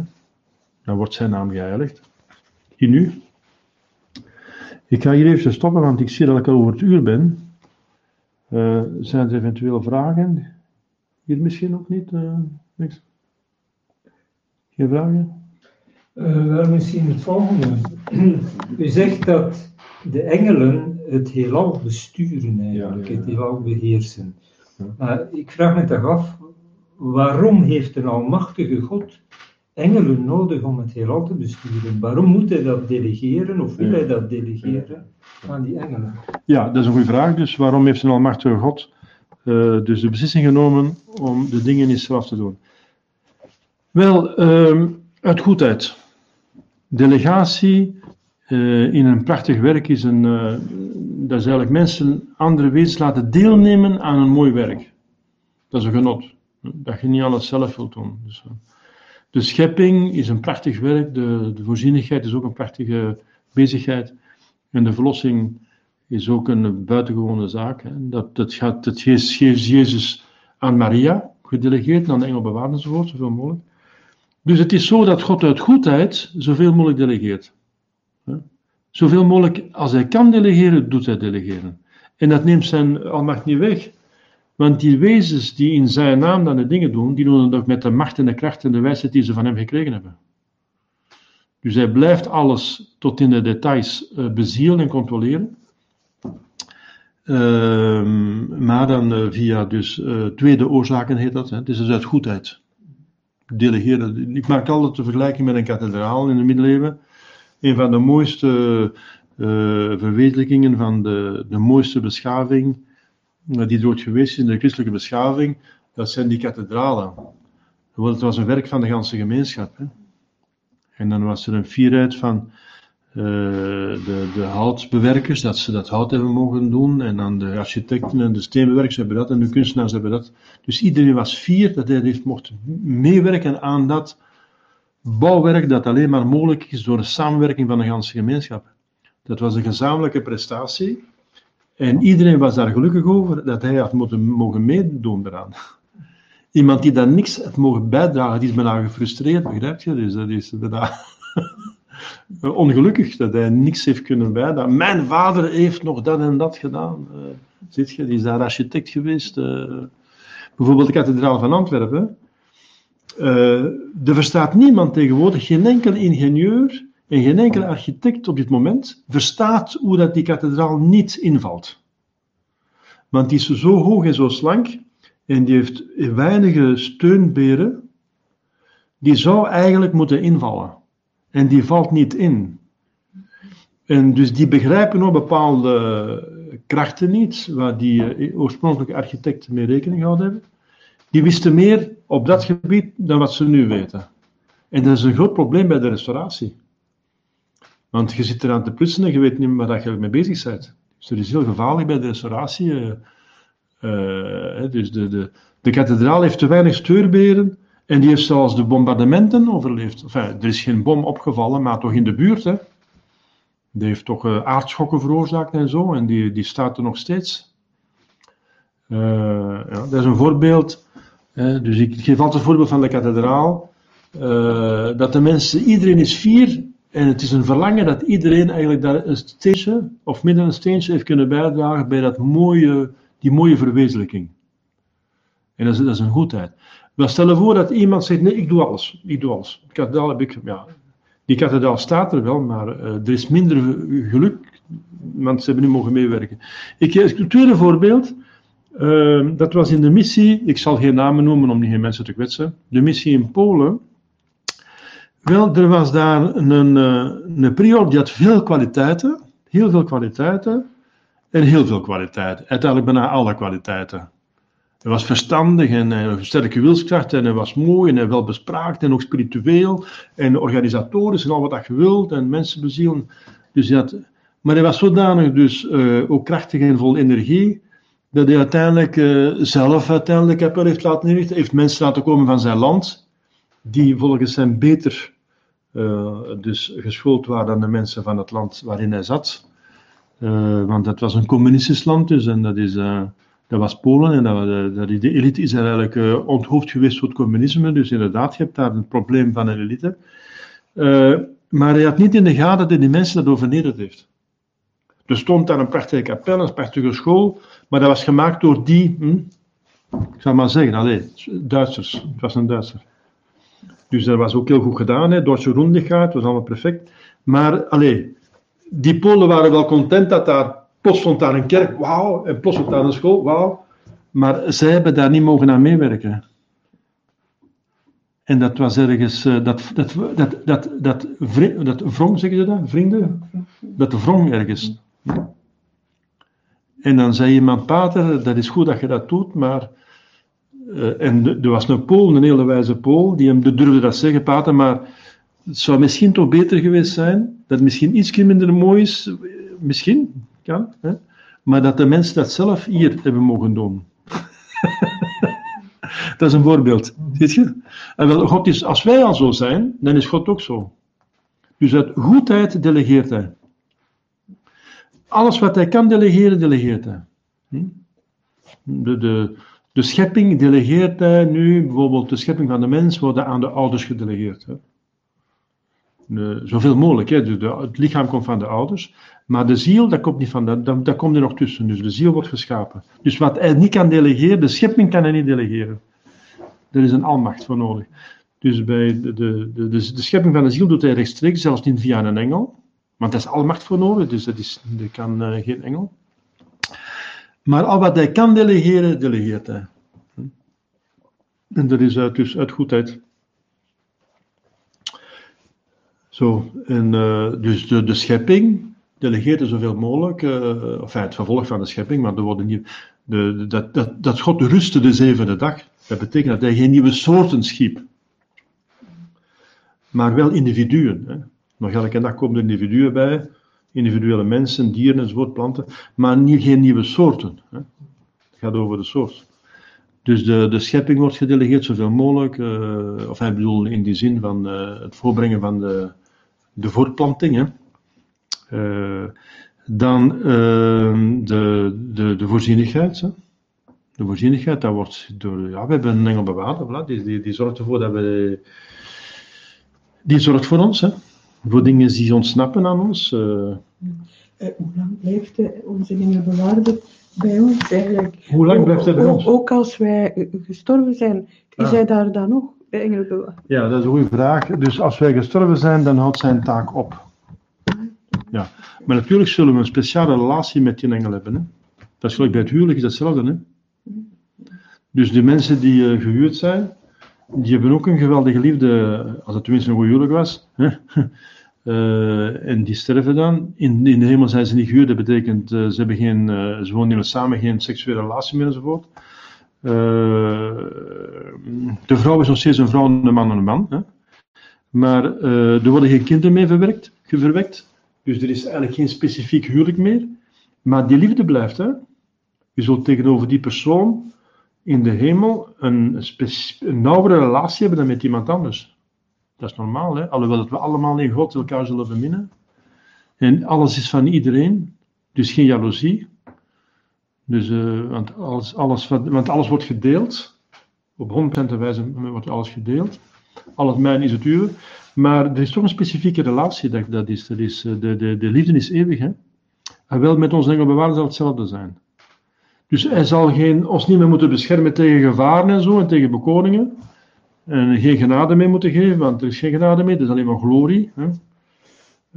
Um, maar uh, ja, wij zullen weten, dat is in een engel die ons, ons leven voor ons gezorgd heeft. Hè.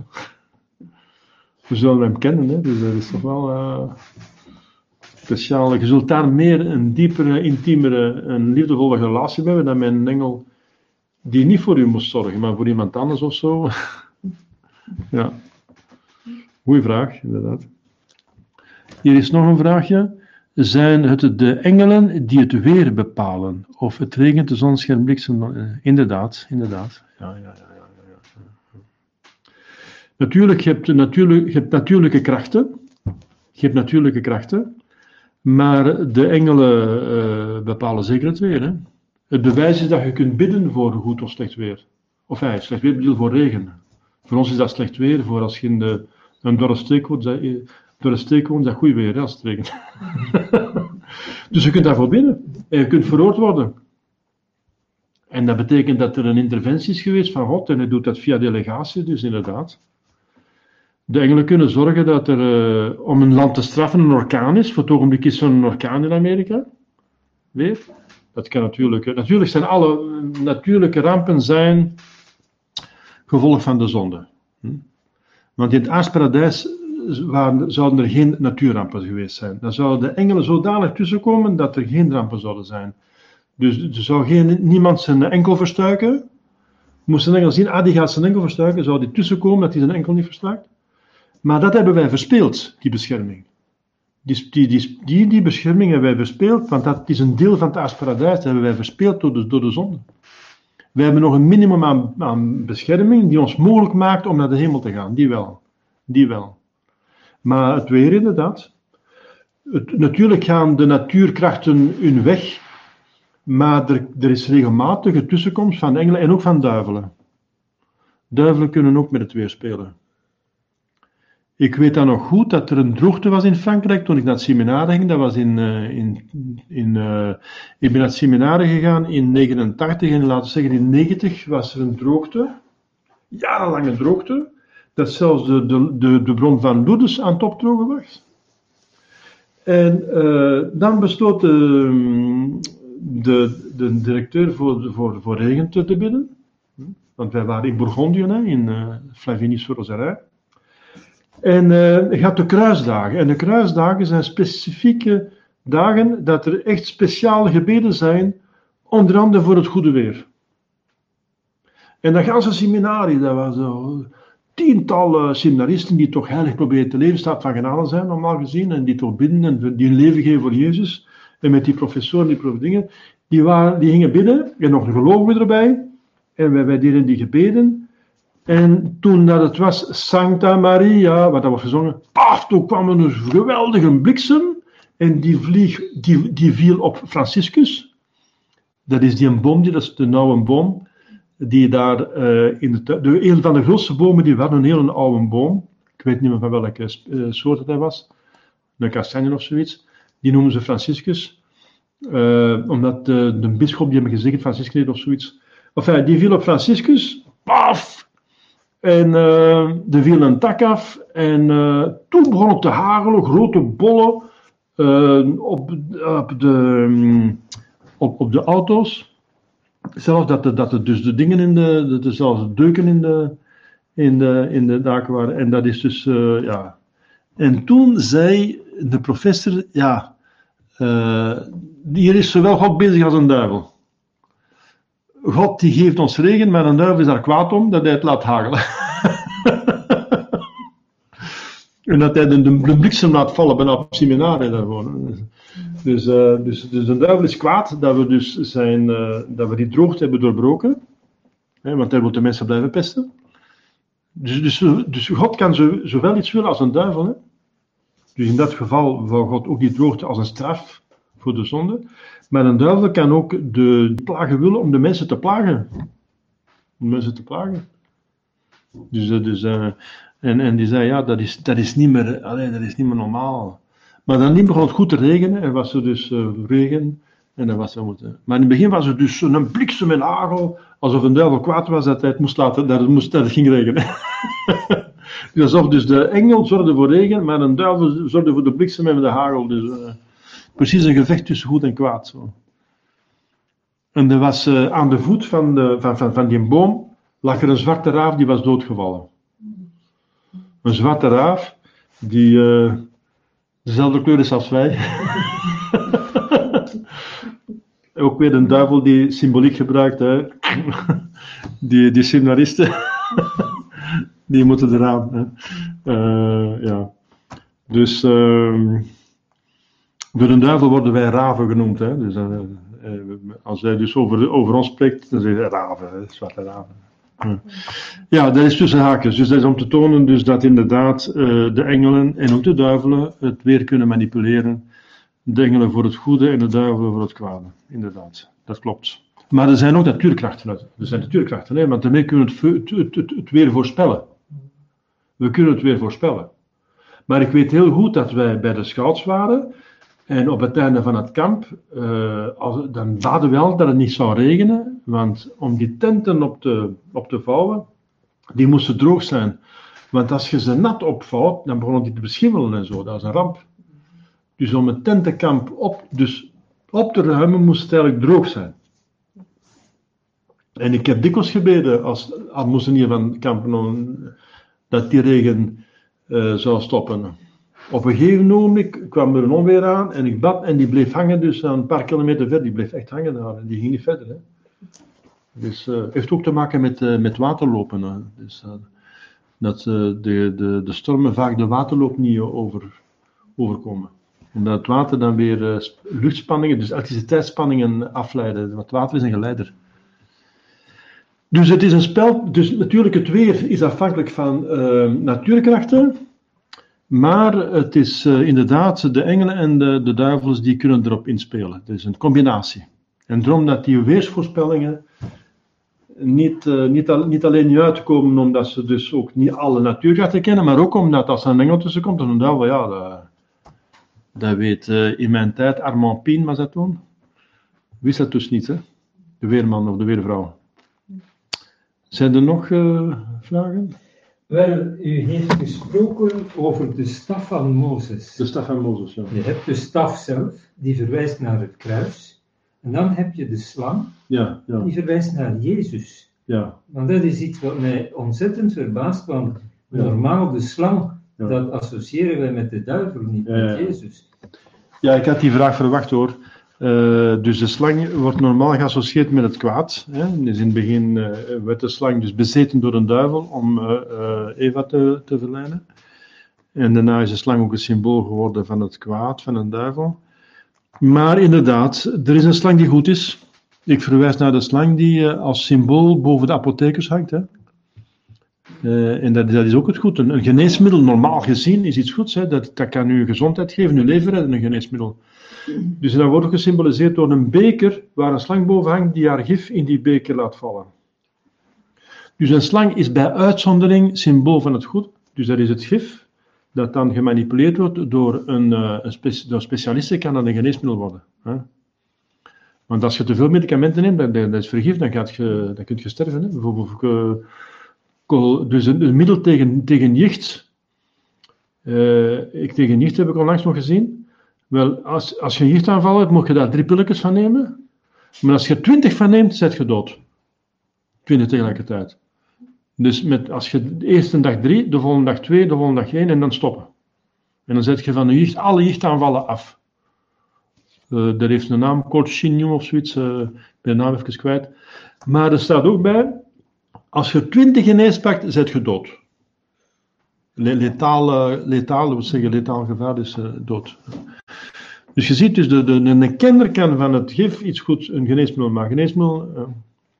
Wel, dus in dit geval is de slang betekent iets goed. Gezegd, zoals ik zei, die slang betekent nog steeds het kwade, die, die koperen slang. Die koperen slang die aan die, uh, uh, aan, die stok hing, stok hing, van Mozes, die ehm, symboliseert Jezus, maar Jezus in zover hij de zonde op zich laat, geladen heeft. En Isaiah zegt, ik, ik, ik, zie er niet meer uit als een mens, ik zie eruit als een, als een, als een worm. Jezus, Jezus zag, was beladen met onze zonde uh, en hij scheen een zonde te zijn. Hij scheen een zonde te zijn. Dus hij, hing daar uh, tussen twee moordenaars, werd veroordeeld door verschillende rechters. Door de ooggeprits Annas, daarna door Caiaphas, het Sanhedrin, daarna door Pontius en daarna door Herodes en, en, en uh, enzovoort. Dus hij is verschillende keren veroordeeld geweest als een misdadiger. Hij heeft de straf van een misdadiger op zich genomen en hij is dood is een misdadiger. Hij wordt behandeld als een misdadiger. Hij leek als een misdadiger. Als je hem naar het kruis ziet, zie je daar precies een misdadiger hangen. Hè? Dat, dat wil dat zeggen. Dus hij neemt de vorm aan van een slang van de misdadiger, maar hij is het niet. Hij heeft het kwaad op zich genomen. En als de, de, de, de, de Israëlieten die het op sterven lagen door de slangen beten, de echte slangen, en ze keken op naar die slang, dan werden ze genezen. Dus zeggen, als je opkijkt naar Jezus, die de zon op zich genomen heeft, die lijkt als een misdadiger, want iemand die aan het kruis hangt, en die veroordeeld is door de officiële instanties, is normaal gezien een misdadiger. Dus hij leek een misdadiger te zijn, maar hij was het niet.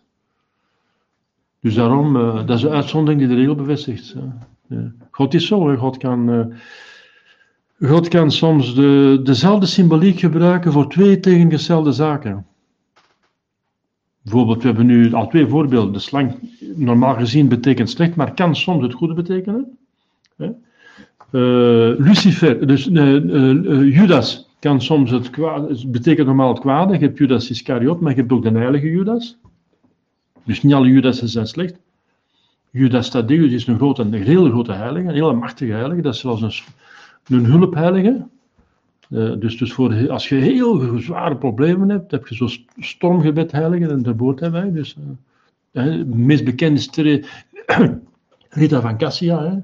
Voor hopeloze gevallen. En wel, Judas Thaddeus is ook een heilige voor hopeloze gevallen.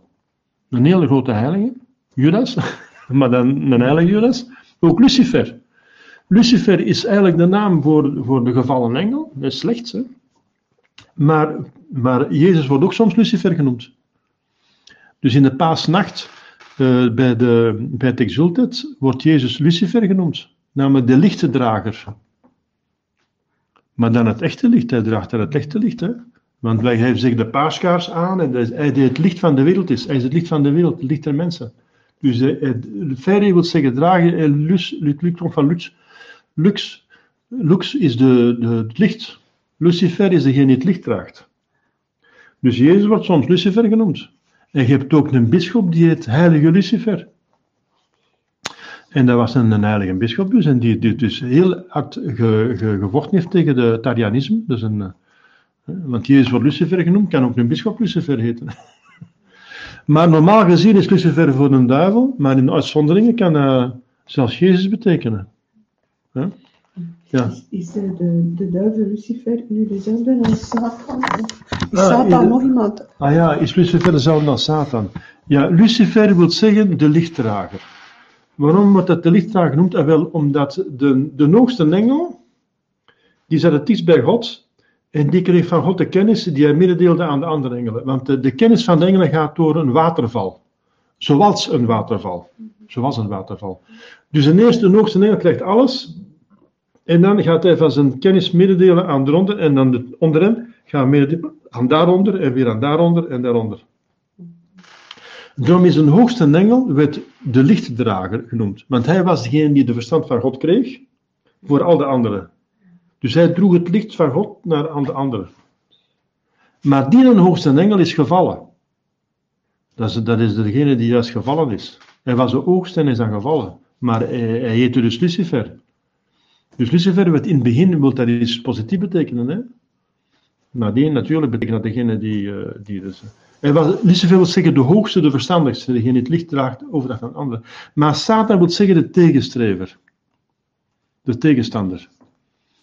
Dus de Satan, dus de, de Satan is de tegenstrever van God, dat is de Satan. En als je zegt de Satan, ja, dan betekent je, dan wil je ook zeggen de hoogste. Hè?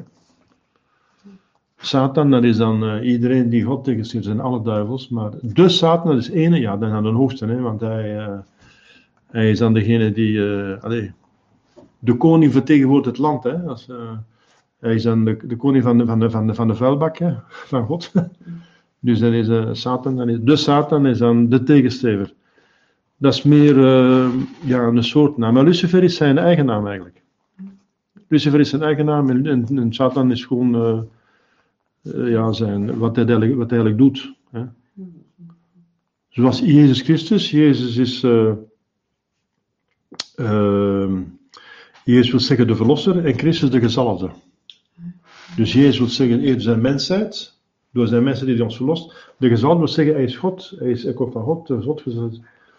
Dus Jezus duidt meer op zijn mensheid en Christus op zijn, op zijn godheid. Dus je hebt ook, ja, daar twee, ja. Ja, ja dus, uh, ja. ja. Lucifer is eigenlijk de hoogste en de Satan eigenlijk ook. Maar je hebt er die een andere naam hebben. Hè. Bijvoorbeeld Belzebub is ook een hoge piet. Maar dit is, die, is, niet de hoogste. Belzebub, uh, daar wordt ook vaak over Belzebub uh, gesproken enzovoort. Enfin, je moet liefst uh, daar niet te veel van te weten over de hel, want Sint Paulus zegt, probeer de diepte van het kwaad niet te doorgronden. Hè. Houd je er niet te veel mee bezig, want dan, dan... Maar ja, we moeten toch een minimum weten. Hè. Bijvoorbeeld als je een exorcisme doet, moet je, is best dat je, zijn naam, dat je hem bij naam noemt om meer kracht bij te zetten. Dus in een exorcisme, als de, exorcist het uh, weet met welke duivel hij specifiek te doen heeft, heeft hij meer een pak erop. Dat noemen ze focussen, ciblé in het Frans. Hè, dat je meer je concentreert. Als het, als het meer gespecifieerd is, gebed is ook krachtiger. De, de heb ik ook ondervonden. Dus bijna, ja. Maar uh, bijvoorbeeld, zo zijn er verschillen. Bijvoorbeeld de maan betekent normaal het kwade. Uh, de maan. Uh, bijvoorbeeld met Pasen betekent de maan het kwade. Want de paasdag valt de eerste zondag na de eerste volle maan, na het begin van de lente. Dat is met reden. Want Pasen, dat valt op een zondag, want Jezus is op een zondag verrezen. Dus moet op een zondag vallen. Na de eerste volle maan, want de volle maan betekent een duivel, dat is de grootste planeet s'nachts. Enfin, zichtbaar is dat de grootste planeet s'nachts. En de nacht is het, uh, het wiel van een duivel, zo gezegd. En de maan is dan de grootste planeet van de nacht, dus de, de Satan, de Lucifer. En die begint dan na de volle maan af te nemen. Dus die begint dan af te nemen. Dus dat betekent dat met Pasen is de overwinning op het kwaad, de macht van de duivel begint af te nemen.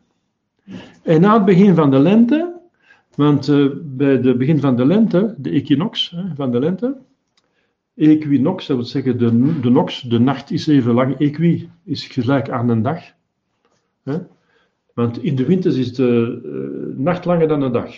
In de zomer is de dag langer dan de nacht. Dus er is een moment, en dat is in de lente en in de herfst, dat er een dag is dat de nacht even lang is als een dag. En dat is de equinox. Dus bij het begin van de lente, dat is een, uh, de 29e uh, maart, dan is de nacht even lang als een dag. Maar daarna begint een dag groot langer te worden dan de nacht. Dus de nacht staat voor God, het licht, en de nacht voor de duivel, de duisternis. Dus het licht wordt langer, groter, dus machtiger dan het kwaad. Dus het begin van de lente, dus dat, dat betekent dus, ja, de verrijzenis.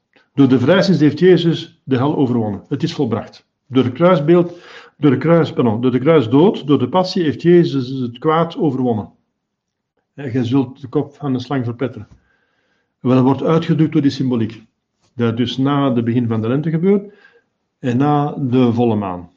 Want de volle maan neemt dan af, dat is een duivel die afneemt. En uh, begin van de lente, de dag neemt, uh, wordt langer dan een nacht, dus God wordt belangrijker invloed. Dus door de verlossing van Jezus gaat de, God meer invloed hebben op aarde dan een duivel. Wel, dus de volle maan betekent een duivel, maar soms betekent de volle maan Maria. Ze zeggen zo schoon als de maan, sommige teksten. Dus je ziet dat, dat de kerk en God soms dezelfde symboliek gebruikt voor twee tegen dezelfde dingen. Dat kan gebeuren. Kan gebeuren. En Maria zo schoon als de maan. En dan zeggen ze bijvoorbeeld de maan betekent, uh, de volle maan symboliseert Maria, uh, want wij kunnen niet recht in de zon kijken. Dan verbranden wij onze ogen. Dus wij kunnen moeilijk rechtstreeks naar God gaan. Maar naar de maan kunnen, naar de maan kunnen we gemakkelijk kijken, maar dat, is, dat doet geen pijn aan onze ogen. En dat is ook het zonnelicht dat weer kaats wordt. Dat is Maria. Dus we kunnen gemakkelijker naar Maria gaan dan rechtstreeks naar God. Dus naar God door Maria, dat doet onze ogen niet pijn. Dat is aan ons aangepast, ziet je? Dat is ook mooi, hè?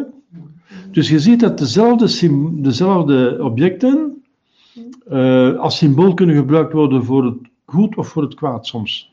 Niet altijd, hè. Maar dat gebeurt. Dat gebeurt. Dus er zijn, bestaat een heilige Judas, er bestaat een heilige Lucifer, er bestaat een... het is zo. Ik heb ook een beetje moeilijkheden mee, maar het is nu helemaal zo. Hè. Dus, uh, dat is, uh, er bestaat dus een heilige slang, inderdaad. Ja. Zijn er nog vragen? Ja, interessante vragen. Dan hier nog. Ja, goed, dan zijn we rond, want we hebben uh, bijna twee uur. Een uur en kwartier. Ja, we gaan naar bidden. Ja. In de naam van de Vader en de Zoon en de Heilige Geest staan we. Danken de Heer voor al uw wel aan de meest aan leven leven. Amen. Onze Vader die in de hemelen zijt, geheiligd zij uw naam, uw rijk komen, uw wil geschieden op aarde als in de hemel. Geef ons heden ons dagelijks brood en vergeef ons onze schulden, gelijk ook wij vergeven aan onze schuldenaren. En leid ons niet in bekoring, maar laat ons van Wees gegroet, Maria, van genade. De Heer is met u gezegend. Zijt gij boven alle vrouwen en gezegend is de vrucht van uw lichaam, Jezus. Heilige Maria, Moeder Gods, bid voor ons arme zondaars, nu en in het uur van onze dood. Heilige Jozef, heilige aanbewaarders, alle engelen, als lieve heiligen. In de naam van de Vader en de Zoon en de Heilige Geest. Amen. Dank u wel en tot de volgende keer. Dus we gaan proberen uh, op veel op zondag, maar dat lukt niet altijd. En dan op donderdagavond dan eventueel. Dus misschien gemakkelijk.